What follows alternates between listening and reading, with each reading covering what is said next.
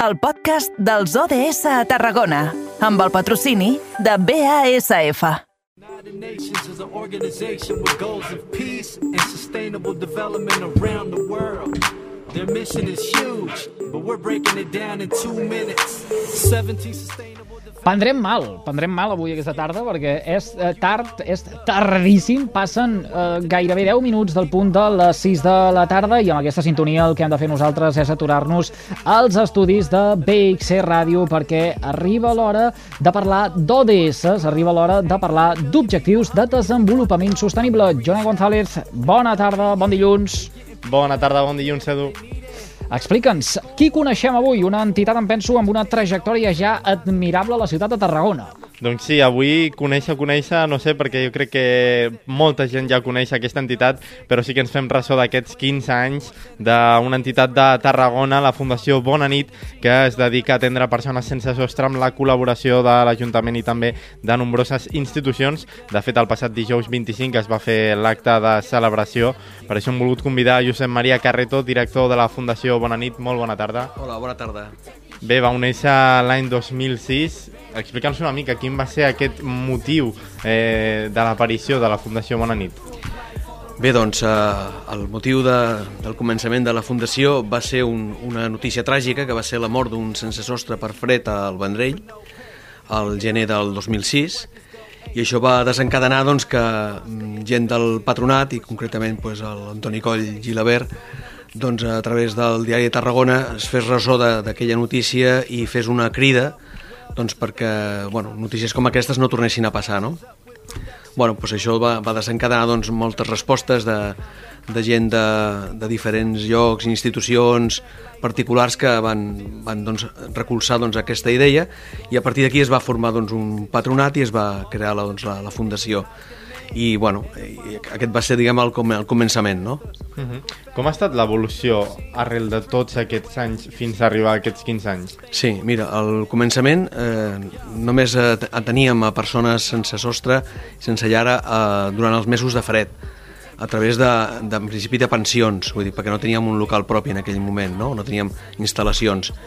Llavors doncs, es va fer a la pensió Carmen de Tarragona i uns anys després es va ampliar doncs, a la pensió Alhambra i a partir de l'any 2013 llavors vam poder disposar de, de la casa d'acollida de Sant Auguri a la part alta, que és on tradicionalment ha estat sempre l'alberg portat doncs, per altres entitats i altre, en, en altres moments i llavors doncs, ho va agafar la Fundació Bona Nit i ho vam doncs, reemprendre doncs, l'activitat allí ja durant tot l'any. No?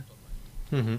Us imaginàveu arribar a aquests 15 anys al, al llarg del temps o hi ha hagut algun moment que heu dit tirem la tovallola, ja no continuem? Sortosament, no. Sortosament, no. El que sí que, eh, òbviament, el, el, el moment de la pandèmia ha sigut un, un, un d'alta baix que, que ha fet doncs, trontollar moltes coses, però, però Déu gràcies, eh, bueno, també doncs, per la trajectòria que portàvem i l'experiència que, que havíem acumulat, doncs, hem pogut fer front doncs, a, a aquesta adversitat, no? i doncs, jo crec que ens estem sortint força bé, no? Uh -huh. Suposo que també és un gran suport comptar amb la col·laboració de l'Ajuntament, de moltes entitats que al final I tant, feu, sí, sí. feu pinya, no? Exactament, sí, sí. L'Ajuntament de Tarragona des del primer moment sempre ha col·laborat amb nosaltres i, i, i doncs ens ha promocionat i òbviament altres institucions tant, tant del món polític com d'institucions eh, i empreses públiques i privades, no? Vull dir, també mm, recalcaria també doncs, que tenim un, un grup també doncs, de, de, de gent anònima que, que col·labora eh, habitualment també doncs, a, amb la Fundació. No? I, i doncs, bueno, també puc ser doncs, la, el ressò que, que anem tenint mica en mica amb, amb la societat tarragonina va fent que de vegada en quan te trobis eh, a la porta que, que, escolta, han deixat una bosa, han deixat un... i, i te trobes donacions doncs que, bueno, doncs, molt, molt d'agrair, no? Inclús també ara fa, no fa gaires dies doncs, també doncs, el tema doncs, de la sensibilització de la, de la societat de Tarragona doncs, envers el sense sostre doncs, ja no són tan invisibles, almenys, o almenys gràcies a Déu per molta gent ja no comencen a ser tan invisibles no? i llavors doncs, bueno, rebem trucades doncs, escolta, hem vist a una persona hem vist a, eh, sabem d'aquesta persona què, què podem fer no? Bueno, a vegades podem solventar-ho, a vegades els derivem doncs, cap a serveis socials de l'Ajuntament, bueno, el, el que sigui més adient en el moment no? I, que, i que puguem, per poder atendre aquelles persones. No? Però bueno, això és una cosa molt, molt gratificant de que dius la feina que s'està fent doncs, eh, va calant, va calant dintre de la, de la ciutat. No? Uh -huh. Amb l'arribada de la Covid també, no sé si us heu trobat eh, molts inconvenients a l'hora de, de tirar endavant. No sé com ha estat aquesta arribada de la pandèmia i com us ha afectat a, a vosaltres. Sí, eh, mira, el primer moment del confinament eh, domiciliari doncs ens va agafar doncs, que, que què fem? Vam pensar, doncs, una de dos, o tanquem o estem les 24 hores amb, amb la gent que tenim, no? Vam optar per la segona, per la segona versió i llavors doncs, vam estar les 24 hores amb, amb les persones que teníem en aquell moment, no? Això va, ser un primer doncs, baix, que bueno, ja t'he dit que mica en mica doncs, el vam poder doncs, solventar, no? I després, eh, òbviament, clar, totes les condicionants que, que ha portat la pandèmia a nivell doncs, de mm, distància, de seguretat, eh, bueno, tot el tema del, del gel hidroalcohòlic, de, de, bueno, totes aquestes mesures de seguretat d'alguna manera higièniques, doncs, clar, han, han comportat que, que tinguéssim que fer una reducció doncs, de, del nombre de places que, de les que disposàvem habitualment. No? Això ho hem intentat compensar alguna vegada doncs, amb, amb les pensions, en les que continuem treballant sempre, però bueno, mm, d'alguna manera doncs, clar, ens, a nosaltres, eh, pròpiament a l'alberg, ens ha significat això, doncs, una mica doncs, aquesta sensació de no, no estar, diguem, el, poder donar al 100% tota la, la capacitat i la possibilitat que tenim no? d'oferir. Uh mhm. -huh. Suposo que també ara és un moment crucial, estem pràcticament sortint però també hi ha aquest repunt de, de la Covid i amb l'arribada d'aquests temporals de, del fred suposo que ara és un moment on també rebreu molta, molta més gent no? en, en aquest cas Sí, eh, el que, el que és la variació de, de gent durant, durant l'any eh, té a vegades moments estacionals, no? La Covid també ha fet que la gent doncs, no es mogués tant, per dir-ho així, almenys durant, durant un, uns primers moments, uns primers mesos, no? però bueno, com mica en mica també doncs, s'ha doncs, normalitzat també doncs, el, el viatjar d'un lloc a l'altre, doncs, també doncs, la, la gent que acostuma doncs, a anar d'albergue en albergue, no? els motxileros doncs, han, han començat doncs, a aparèixer i doncs, bueno, doncs, també ha sigut una, una sensació també mm, gratificant, no? perquè dius, bueno, doncs, tornes a veure la gent que pràcticament coneixes d'any en any, no? vull dir que, que, van, que van passant molt, amb molta sovintesa, no?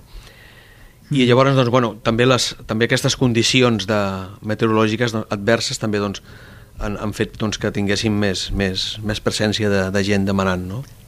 Mm. En, en tot aquest temps, en tota aquesta trajectòria, senyor Carreto, que porten de 15 anys, que ara tot just fa una estoneta eh, repassàvem, quina és l'evolució que han notat vostès pel que fa a serveis, a ajuda que han arribat a prestar? I, i ara eh, li faig aquesta pregunta pensant, per exemple, en el fet que eh, fa cosa de 15 dies aproximadament l'Ajuntament de Tarragona va impulsar un recompte no, de les persones sense llar que dormien al carrer eh, és una tendència que ha anat en augment i que ens hauria de preocupar més del que eh, realment ens preocupa a la ciutadania. L'administració està fent tot el que pot per aconseguir que aquestes persones sense llar puguin tenir accés a una eh, llar digna? Bueno, jo totes les veus que, que sento que, que els hi fan aquesta mateixa pregunta acaben, acaben contestant sempre que, que la, que en principi doncs, que, el, que les entitats públiques, eh, els organismes públics haurien de poder fer més, no? Possiblement sí. Eh, òbviament el, el, el que fem les entitats d'alguna manera és una col·laboració doncs, en, en intentar resoldre un problema que afecta, que afecta molta gent, no? Òbviament, cada vegada en tenim més gent. Eh, bueno, jo, jo els resultats de la, del recompte, del qual vaig participar també, també eh, et comentaria en tot cas que són uns resultats que a més a més eh, potser estan un, una mica distorsionats dintre del que, del que podríem dir pel moment de l'any en què es van fer. És veritat que no es podien fer doncs, en el mes d'abril, maig, que seria l'habitual, no?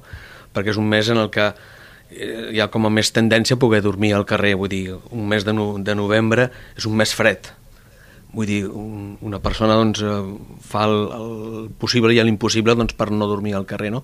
però encara així van trobar molta gent. Aquesta és la realitat. No? Llavors, doncs, bueno, jo crec que hi hauria d'haver més implicació no et dic de l'Ajuntament perquè l'Ajuntament a mi em consta que estan, estan treballant i, i, força, i força bé doncs, per, per intentar doncs, eh, minimitzar cada vegada el, el més possible aquest problema. Però, òbviament, segurament que necessitaríem més recursos i d'altres ens més, més superiors, no? Parlem de la Generalitat, suposo, no? Uh -huh.